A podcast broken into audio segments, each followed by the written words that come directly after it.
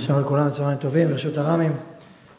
כתוב שאסור להתעצל בהספדו של חכם, אה, ועדיין אדם גדול כמו הרב דרוקמן, הרב חיים מאיר, זכר צדיק לברכה, נכון בשבעה שלו. אה, אז רציתי להוסיף אה, כמה מילים לדמותו. הייתי פותח ואומר ש... אם אני ככה סוקר את החיים שלי עד היום, מעטים הם אה, הפעמים שאני זוכר בהם לחיצות יד. אחד ההרגלים, אדם בא ואומר למישהו שלום, לוחץ את היד. כמה פעמים לחצו יד, אתה לחץ יד למישהו, מישהו לחץ יד לך יד? הרבה מאוד פעמים. אתה זוכר את זה? לא. אבל לפני בערך אה, כמה שנים טובות, הייתי באיזה חתונה, וראיתי את הרב דרוקמן, זכר צדיק לברכה. וניגשתי אליו, אמרתי לו, שלום הרב, קוראים לי כך וכך וכך, ואני הבן של אה, הבמאי. אמרתי, אה, אתה הבן של הרב תפסתי את היד, זה לחיצת יד עמוקה וחזקה, ואני זוכר, וואו, כאילו, זה היה, זה הדהים אותי. כי הרגשתי בלחיצה חיוניות. והקרנה של אישיות כל כך חזק, כי זה משאיר בי חותם, עד היום אני זוכר את זה, לפני שנים, כמה הרבה שנים. לחיצת יד פשוטה, כאילו מה, לחץ את היד. לחיצת יד שביטאה כל כך הרבה חום, אהבה, ואיזה איזה רוח חיונית כל כך, שבקע ממנו, שזה השאיר בי חותם. וזה אולי אחד הביטויים המיוחדים לאישיות הגדולה הזאת, החום הפנימי שבה, האהבה העמוקה שלה לאלוקים, לאנשים, לבריות, תלמידי חכמים. ואני חושב שאחד הדברים שהם מאוד בולטים אצלו, כשהוא היה מדבר, אתה תמיד מרגיש שהוא מדבר מתהום הנשמה. מבפנים, מהנשמה שלו, אדם מדבר מבפנים. שיעורים שהוא נתן אותם המון פעמים, אבל השיעור כל פעם בא עם אותה רוח פנימית שבאה מבפנים, ודברים היוצאים מן הלב נכנסים ללבבות, דבר שבא מרוח פנימית, פוגש, פוגש את האנשים. לא סתם רבבות באו, באו להלוויה מתוך קשר, מתוך, אה, מתוך חותם שהוא השאיר בדור, ברבבות. אני זוכר, אה, אחרי תמונה שנייה, זה שהיינו, היה לי מנהג לבקר אצל גדולי הדור בחול המועד, עושים סיבוב עשרים שתקופתם של הרב אה, רב אברהם שפירא, זכר לברכה, והרב מרדכי אליהו, זכר צדיקים לברכה. אז גרו בקריית משה, שניהם גרים, זה אחד על השני יחסית. אז הייתי עושה סיבוב, בא לרב אליהו, אחרי זה בא לרב אברהם. כמה פעמים ראיתי, כשבאתי, את הרב חיים דרוקמן, זכר צדיקים לברכה. גם אצל הרב אליהו, יושב לצידו, וגם אצל הרב אברהם. וכל פעם היה ניכר חרדת הקודש שלו בפני גדולי תלמידי חכמים. איך הוא יושב? עכשיו, הוא לא, לא, לא אדם צעיר, היה 60, 70, אדם של שבעה, אדם גדול בזכות עצמו, ויושב ליד תלמידי חכמים הגדולים, הזקנים, וחרדת קודש, עומד ככה, יושב כאילו, אתה אומר, ממש, הוא מלפני תלמידי חכם גדול, גדולי הדור. הזיקה הזאת לדורות הקודמים, אחרי שהם נפטרו, אני יודע שהוא היה מגיע לרב עמר, זכר צדיק לברכה. שנים, כל חול המועד מינימוס, מביא את הנכדים, לא רק הוא, באים לקבל בני גדולי תלמידי חכמים. קבוע, שנה אחרי שנה. לא משהו בצדדים, משהו מהותי. היה לו זיקה עמוקה מאוד לתלמידי חכמים, ענווה עמוקה. אני חושב שזה קשור, כידוע, כל פעם שנותן שיעורים, מביא איזה עשרים ספרים וקורא. מכל, כל פעם מה, מהספר, סימניות. למה שנתן פה בישיבה שיעור, אז הוא כנ"ל בא עם הספר, הספרים. עכשיו זה לא סתם מנהג, זה מנהג שבעצם מחבר אותך לכל הדורות, כל ספר, והוא קורא מבפנים, מתחבר לבעל השמועה שעומד נגד לך. והוא בעצם מאוד מאוד מחובר לכל הדורות שהיו. בזמנו דיברנו פעם על אפרים ומנשה, שמנשה הוא הכוח שמחבר אותך לשורשים. בית אבי, הזיזני בית אבי, ואפרים, אפרני אלוהים בארץ עוני, זה הכוח שמחדש חידושים. ואמרנו שבגאולת ישראל צריך את שני הכוחות האלה, אפרים ומנשה, גם השורשיות וגם החידושים מצעדי הגאולה שבאים והולכים.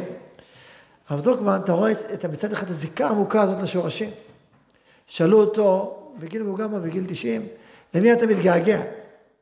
מי אתה מתגעגע? עכשיו אתה יהודי, בין הרבה הורים, הוא אמר, אני מתגעגע למורי ורבי הרב ציון, זכר לברכה, מורי ורבי הרב הנזיר, זכר לברכה. נפטרו לפני 50, 60 שנה, והוא חי, הם חיים בקרבו, והוא מתגעגע, רוצה לפגוש אותם. מתגעגע לרבותיי. זה אדם, נשמה גדולה, עם זיקה מאוד עמוקה לדורות קודמים.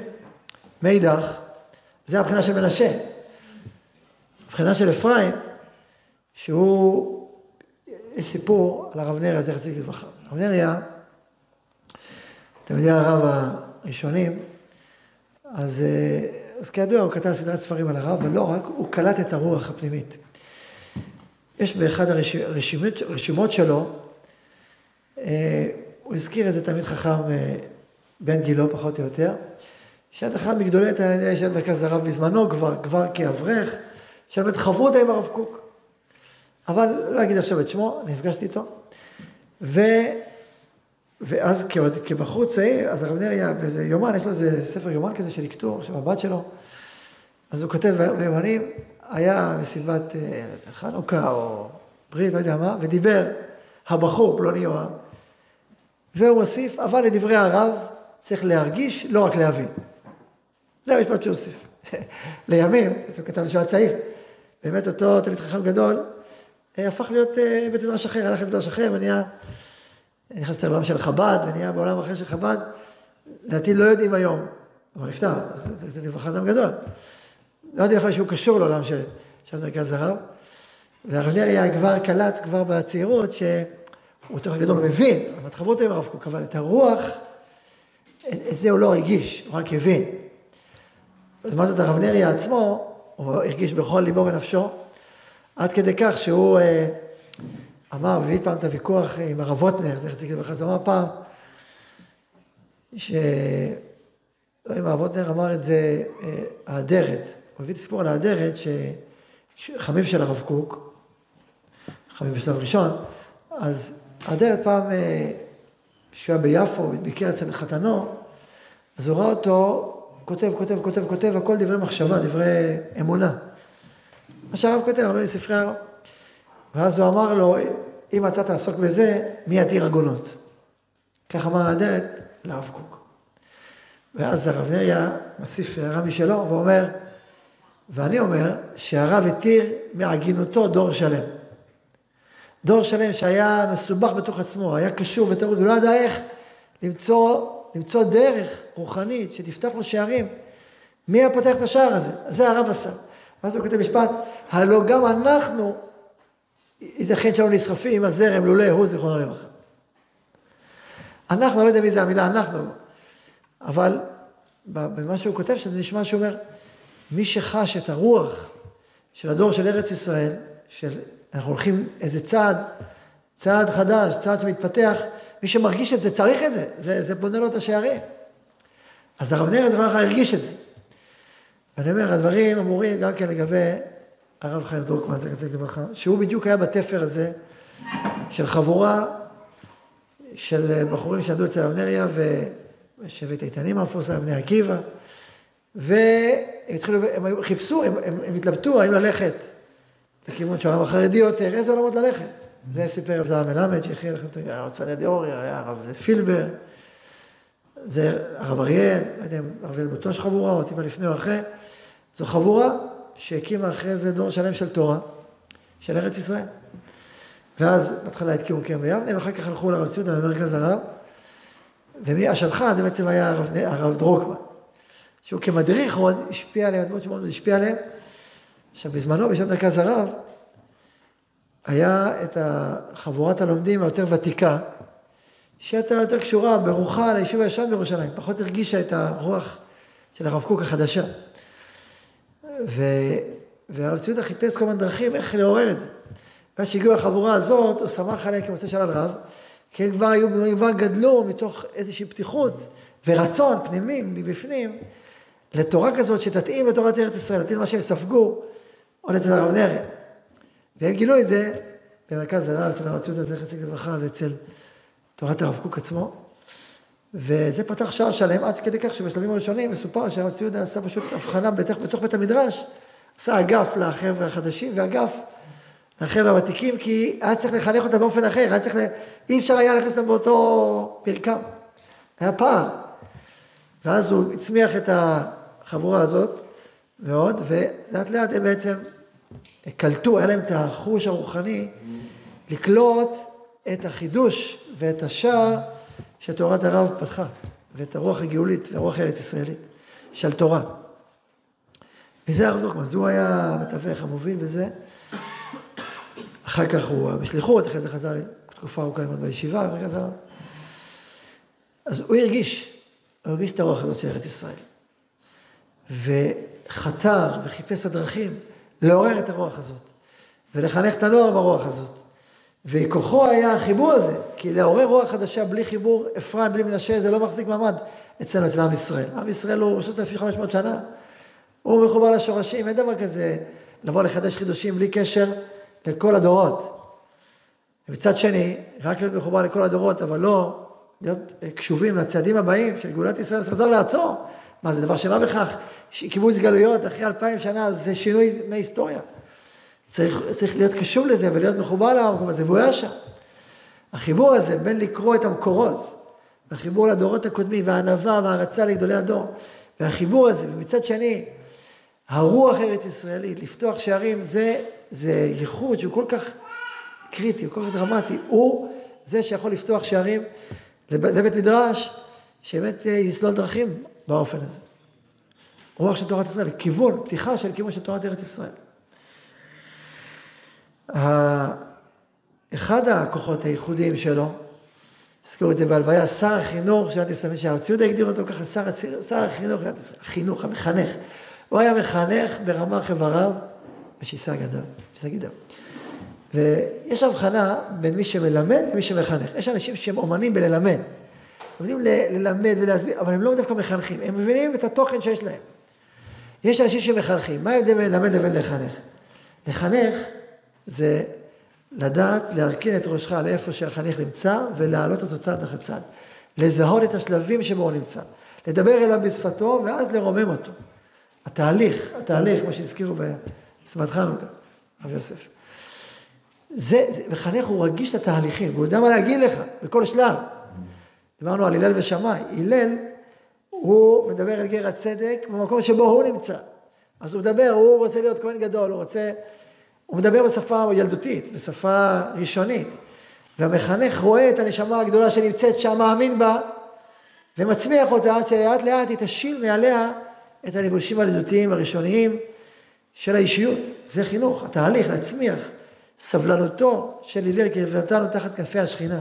צריך המון סבלנות לתהליכים, המון סבלנות.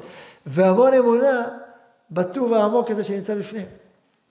וזה מחנך. והרב חיים דרוקמן, זכר צדיק לברכה, מחנך בכל כולו. לא רק בפרט, גם בכלל. גם בפרט, שהיה יכול להסתכל פנימה, ובתוך אהבה גדולה וסבלנות גדולה, לחנך, להצמיח עוד שלב ועוד שלב, וגם בדור, הסתכלות כללית. להסתכל, להיות מרוכז, ומרוכז מאוד בתוך הטוב הזה שנמצא בתוך הדור הזה, ואיך להצמיח עוד, ולהצמיח עוד, ולהצמיח עוד, עם סבלנות של ברזל. וצריך הרבה סבלנות, זה לא קל. להיות מחנך צריך הרבה מאוד סבלנות, והרבה טווח ארוך, והמון אמון. אבל עם זה, יש המון ברכה בלחנך, זה להצמיח אנשים, זה להצמיח דורות, זה פתאום לראות עוד דור ועוד דור, הולך וצומח, ואתה, האורות הולכים ומוסיפים. הזכרנו בהתוועדות חנוכה אצלי בבית, על ההבדל בין בית שמאי לבית הלל. אז שמאי אומרים פוחת והולך, הלל אומרים מוסיף והולך. אחרי זה דבר תמוה מאוד, פוחת והולך, הזכיר את זה מרן אה, ראש הישיבה, מרן רבנו אבי, בהספד שלו. אז ביארנו שם את העניין שכתוב שבית שמאי זה כנגד הימים הנכנסים, בית, בית, בית, שמאי, בית הלל כנגד הימים היוצאים, מה הכוונה? בית שמאי על היום הראשון מדליקים שמונה נרות, למה? כי עכשיו יש שמונה ימים שהולכים להגיע. ובית הלל, טוב, כנגד הימים היוצאים, כל יום יש את האור שהוא מאיר. אז אמרנו ככה, שהימים הנכנסים זה בעצם מה שצריך להגיע. זה האנשים, הכוחות, ששווים כוח מהחוסר שקיים בעולם, ממה שצריך להופיע ועוד להופיע. נותן לך כוח, יש כל כך הרבה דברים שצריך להופיע, עוד לא הופיעו, אנחנו נופיע אותם. החיסרון נותן אנרגיה, נותן כוח להשפיע, להעיר. ויש כאלה שלוקחים אנרגיה מתוך הכל הטוב שיש בעולם. תראה איזה טוב יש, ועוד טוב, ועוד טוב, ועוד טוב, וכל טוב מוסיף עוד ועוד ועוד. בית שמאי הולכים מהאנרגיה של הגבורות, שמה שצריך לתקן, מה שצריך לשנות, מה שצריך... זה אנרגיה של גבורה. כוח הגבורה, האנרגיה שלו באה מתעוררת מהחוסר. כל כך חסר. אז לכן, היום הראשון צריך להדליק שמונה נרות, צריך שמונה ימים, ואחרי זה שבעה ימים, ואחרי זה חמישה ימים. כל מה שצריך להופיע ועוד להופיע, הוא זה שגורם לך להדליק את הנר. הבאתי על הפוך, תראה איזה אור גדול יש, ואיזה עוד אור, ועוד אור, כל יום בא עם האור שלפניו, ועוד שלפניו. איזה ברכה, איזה יופי, איזה שמחה. זה הבחינה השנייה. ופעם הזכרתי, אני חושב שהנציב וולוז'ין, יש בספר וולוז'ין עד ירושלים של הרב מאיר ברלין, הבן של הנציב, זכר צדיק לברכה, צדיקים לברכה, אז הוא הזכיר פעם ויכוח בין הנציב לבין עמיתו להנהגת הישיבה, רב יוסף דוב סולובייצ'יק, אבא של רב חיים סולובייצ'יק, שהיה תקופה שהיו ביחד, והוא אמר ככה, בחריפותו, אמר, אתם יודעים, פסח צריך אה, להימנות על חבורה ביחד. אז הוא אומר, שני סוגי עבודת השם. יש עבודת השם של פסח, לדקדק על קלה כבחמורה, לראות שבדקת את כל, ה, כל החורים והסדקים. וכשאתה מגיע לפסח, אתה אומר, רגע, אולי לא דקדקתי, אולי יש עוד מקום, אולי... וככה אתה חש את חוויית הקדושה שלך. ויש כאלה שהפוך, הוא אומר, כן, בדקתי, והנה יש בדיקת חמץ ועשינו, והנה יש מצות שאפינו, ואנחנו עכשיו באים לחג ושמחים על כל הטוב והברכה שיש. וזה דרך אחרת. הוא אומר, אז יש דרך... אומר, רבי יוסף דוב זה הדרך הראשונה. שהאחריות שלו זה מתוך דקדוק, וגם כשהוא אומר אולי לא, אולי לא, לא יצאתי ידי חובה כראוי, זה, זה ה... ואילו יש, הוא אומר, הדרך שלנו דרך אחרת, לשמוח בכל צעד וצעד שקורה, אני שמח בזה. אז הוא אומר, אני לא יודע אם אני אצליח להימנות עם קורבן פסח עם אותה חבורה. זה, זה, זה לא, לא, לא, לא תמיד זה הולך ביחד, כך. משהו מעין זה כותב הרב אני רוצה להגיד, לכוון לשתי הקווים. אז הקו, אז הרב, הרב חיים תמיד, הרב חיים דוגמן, מורנו תמיד היה מחובר אל הטוב, אז תמיד דיבר על זה, והתמקד בזה. והוא ראה היטב את החוסרים. הוא חי, מי, ש, מי, שהיה מעורב, מי שמעורב בתוך עולם המעשה, לא יכול לא לראות חוסרים, לא יכול לראות טעויות ובעיות. מכל הכיוונים, הוא רואה את כל הכיוונים, אבל הוא, עם זאת הוא מרוכז ומכוון אל הטוב הזה. וזה כוח רוחני עצום, זה כוח שמוסיף והולך, כוח של בית הלל, שהזכירו את זה בהלוויה, שלא סתם, בנר השמיני של חנוכה, שם נורא דולקת ותפארתה, הוא יסתלק מן העולם. וזה הכוח של החינוך, לא רק ללמד או לשים את הגובה, אלא איך להצמיח את האנשים. הזכירו בהלוויה שהוא אמר על עצמו שזאת הסיבה שלא לא משבנים רבנים כל כך. יחסית לרבנים אחרים, ארבע פעם, אני זוכר, הגיע לישיבה פה עם פליז, כחול, זוכרים את זה? יושב יהודי בן 86, 88, ואדם גדול, ובא עם פליז. ואז הוא אמר, הזכירו בהלוויה, שהוא אמר ש, שהוא בא ככה כי הוא רוצה אה, להצמיח את הנוער מלמטה למעלה. לא ליצור את המרחק, אלא לבוא מלמטה וככה להצמיח. זה היה הדרכו, אז אני אומר, זה, זה ההצמחה, זה התהליך הזה של להעלות מלמטה למעלה. אה, אני רוצה לדבר על עוד, עוד אה, תמונה שאני זוכר אותה, משהו שנחרד בי, שהוא הגיע לישיבה פה, נתן שיעור. חלק מהשיעור היה, זה היה לפני הרבה שנים, לא יודע, שמונה, עשר, אתה רב חיים מתי זה היה? ואני זוכר משפט אחד מהדהד, והוא הדהד, נכנס בי, וזוכר אותו, את קולו עד עכשיו. הוא דיבר על אנשי קודש לי. ואז הוא חזר על זה ואמר, אנשי קודש תהיו לי, לא מלאכים בשמיים, לא זה, אנשים, אבל אנשי קודש, אנשי קודש תהיו לי. חזר על זה, שנה את זה, ואתה מרגיש שזה... מעורר אותו, וזה בוער בו, זה יוצר ממנו, הוא צועק, הוא בוער את זה. אנשי קודש תהיו לי, זה עם ישראל, זה מה שהתורה רוצה מאיתנו, אנשי קודש תהיו לי. אנשים ממש, אנשי קודש, ככה. ואני חושב שמה שהוא עשה, הייחוד הזה, להיות מעורב כל כך עמוק בפוליטיקה ובעשייה, ומה, מה זה, זה מעורבות, איזה רמה של מעורבות. ועם זאת, להיות מחובר אל הקודש בנשמתו ובנשמתו, זה אנשי קודש, זה, הוא ביטא את, ה, את העוצמה הזאת, את הכוח הזה, זה לא, זה לא פשוט, זה לא אפשר בקלות להסתחרר וליפול. אפשר, ראינו כאלה, לא אחד ולא שתיים. והוא היה לו את החיבור, את הייחוד הזה, אנשי קודש, זה הכוח. אתה רואה אותו יונק מהתורה, יונק מבית המדרש, יונק משם את הכוח, ומשם פועל ופועם ויוצר, בתוך כל הסמכים של המציאות. וזה כוח מיוחד במינו, כוח uh, סגולה מיוחדת, כיוון מיוחד. ואני חושב שבאמת חלק מה, מהסגולות שלו זה היה הדיבור הזה בתוך אותה אמת פנימית, בתוך אותה מקום שהוא מאמין בו ואומר אותו ודובר אותו ויוצר אותו, הוא פועל מאיזה כוח כל כך עמוק, יומם ולילה, יומם ולילה. וזה פועל, וזה פועל, לאט לאט, לא הכל קורה מיד. יש ביקורות, היו הרבה ביקורות, מכל מיני אגפים. יש, זה לא פשוט. לפעמים רואים את ה, רק את ה... שומעים רק בסוף, רואים את החיבור של האנשים, אבל לא יודעים שבתוך התהליך יש הרבה הרבה חלקים.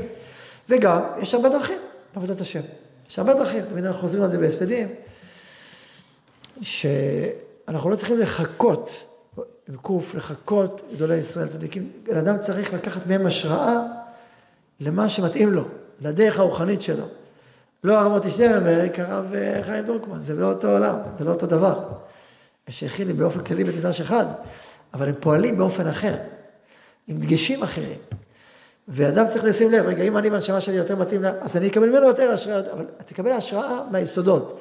וקח את הניצוצות שמתאים לכולם, אהבת ישראל, אהבת השם, אנשי קודש.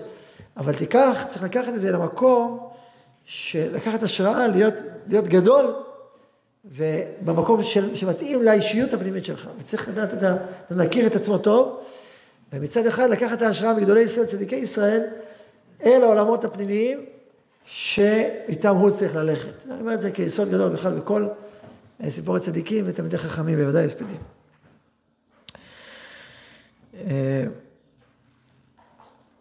אז הדיבור הזה מתוך הלב הוא, הוא דבר שכל חינוך אמיתי יונק ממנו. ובתוך הלב דברים, וזה פועל, זה פועם, זה, זה, זה נוגע.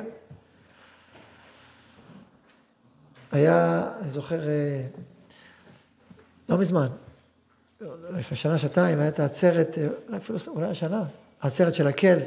עכשיו זה השנה, אני חושב. השנה.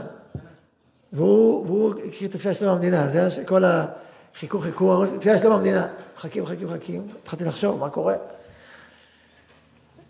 ואז נתנו לו להתפלל, ואז אתה אומר תפילה שלו, מילה, מילה, מילה, מילה, מילה, מילה, אתה רואה כל מילה חצובה, ועוד מילה, ועוד מילה, עד שבסוף, כתוב הכל משל, אז איזה נעמה שיצאה מקרב ליבו.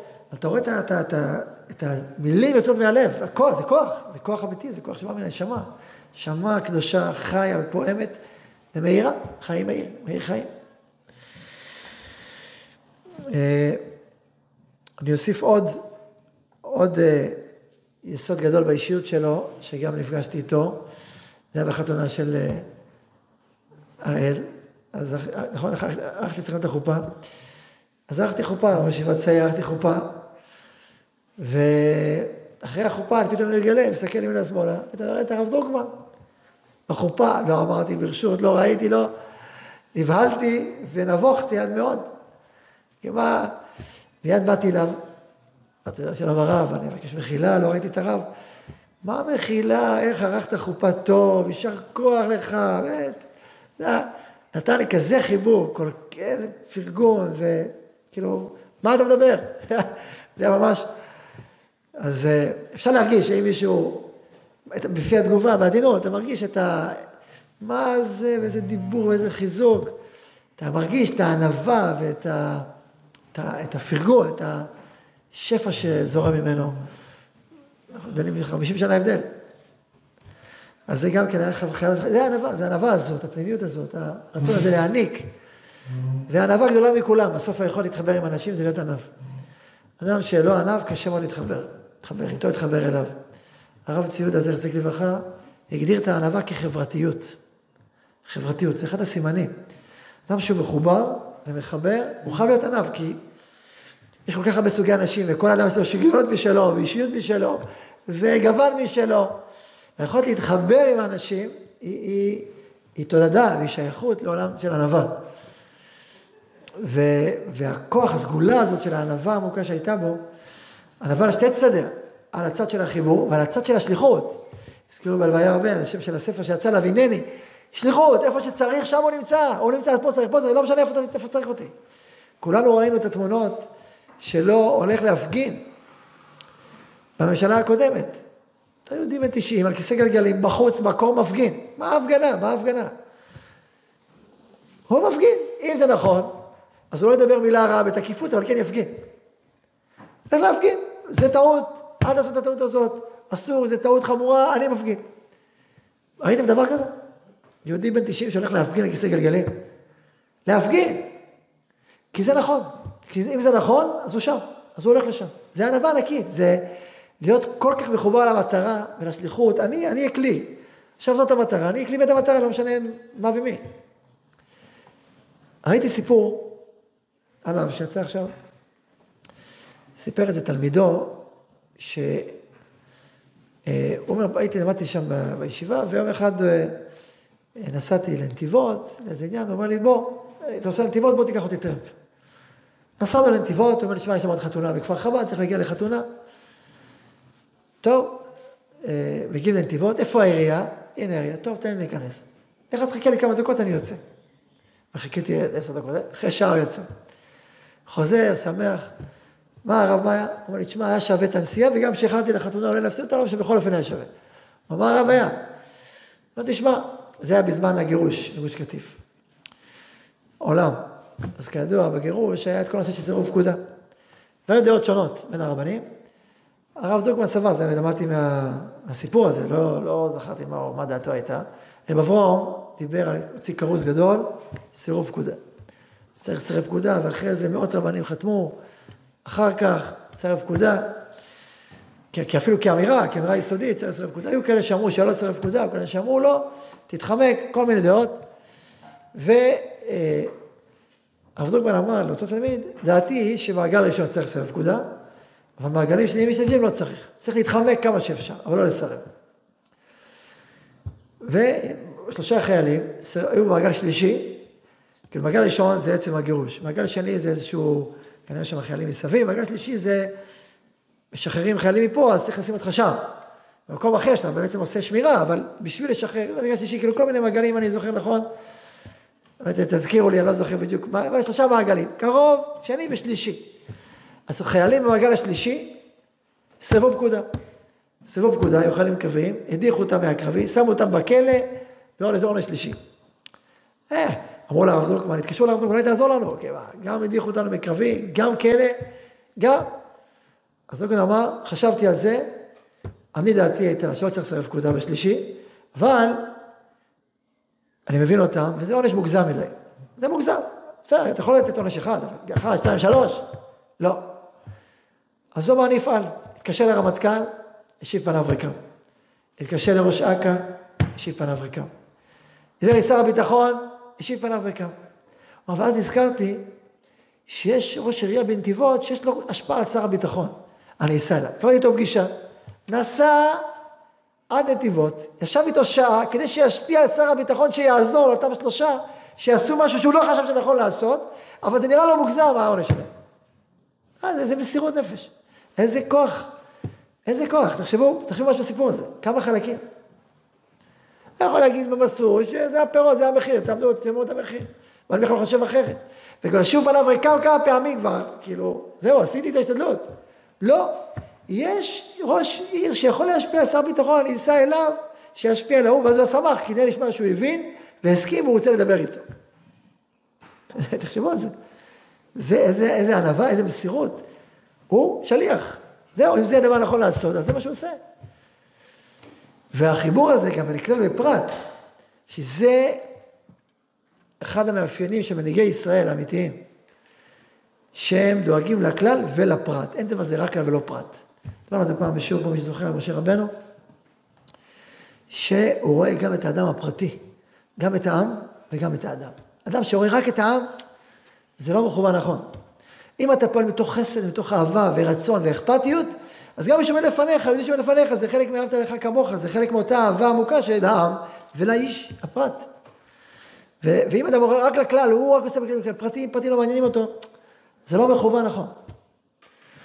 זה נכון שלפעמים אדם עכשיו נמצא בכלל, אז באותו רגע הוא לא יכול לעשות בפרט, אבל כאישיות, וכאדם שאכפת לו, וכאדם שפועל ועוזר ואוהב, אז זה אהבת עם ישראל ככלל, והאהבה הפנימית של השכינה, כנסת ישראל, והאהבת, וה, והלבוש, וההופעות של כל יהודי ויהודי, כאחיך.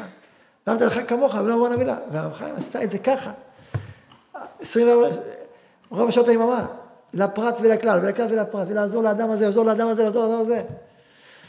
קראתי סיפור, שסיפר איזה, איזה אחד הרבנים, שהוא אומר, שבקהילה שלו היה איזה בן אדם שהיה קצת תימוני, קצת, היה אחד, לא בקהילה שלו, הסתובב במרכז שפירא שם, גר במקום אחר, והיה קצת תימוני.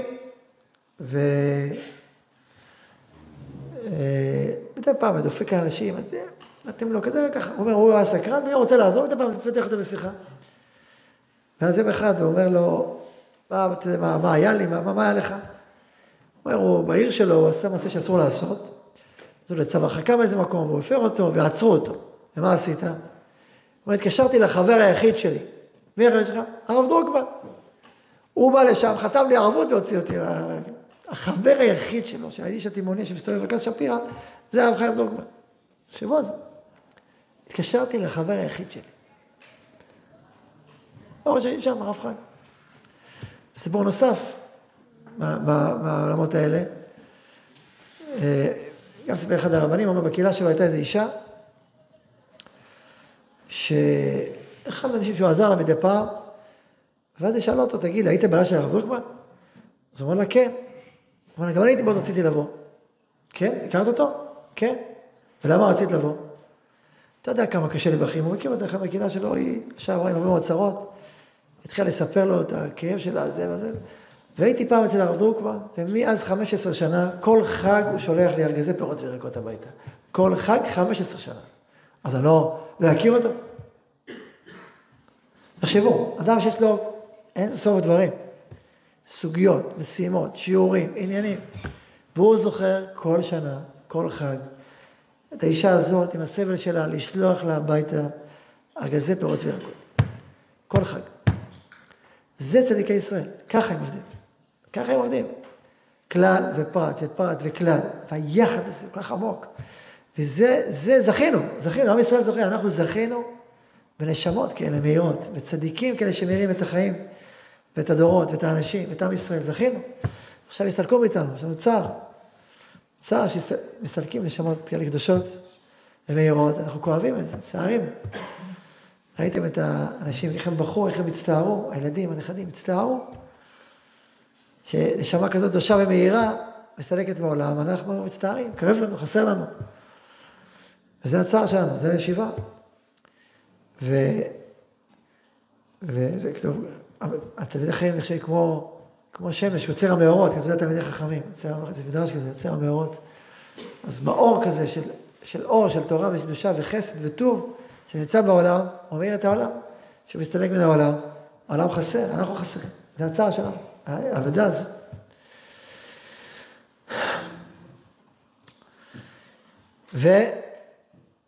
ומתוך הצער הזה והחוסר הזה שנמצא בתוכנו, בקרבנו, אז צריכים להתחזק ולהוסיף טוב, ולהוסיף אור. אנחנו כולנו בני ישראל, כולנו זוכים לעסוק בתורה, כולנו זוכים בית מדרש, להוסיף אור, להוסיף אור, ממש, כמו שהוא אומר תמיד, להוסיף אור. אור של תורה, ושקיטת התורה, ודבקות בתורה. יומם ולילה בית מדרש, אור של חסדים טובים, של אכפתיות מחברים, מאנשים, מאנשים קשי יום, אנשים שצריכים עזרה, לעשות בעול עם חברו, ממש כפשוטו וכמדרשו, להיות אדם שאוהב ואכפתי ו... ולהיות אדם שמעורב בעם ישראל, אכפת לו מעם ישראל ורוצה טוב בישראל, לישראל באופן כללי, דואג לכלל ישראל, להיות שם ומעורב בתוך, תוככם, עם ישראל עוד צעד לגאולה שלהם, עוד צעד לגאולה שלהם, זה עלינו, זה עלינו. תראה אותי לוקח מאיתך, ואם לוקח מאיתך, אז אנחנו, אם אתה שם לב שהוא לוקח מאיתך, אתה רגיש לחיסרון שמתעורר בעקבותיו, אז האדרת נופלת עליך.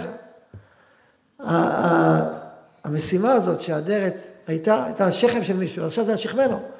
יותר ויותר, יותר ויותר דבקות בתורה, יותר ויותר אהבת ישראל, אהבת השם, ויותר ויותר גאולת ישראל, ותורת ארץ ישראל. לכן יהי רצון, ונאמר אמן. זכותו תגן עלינו.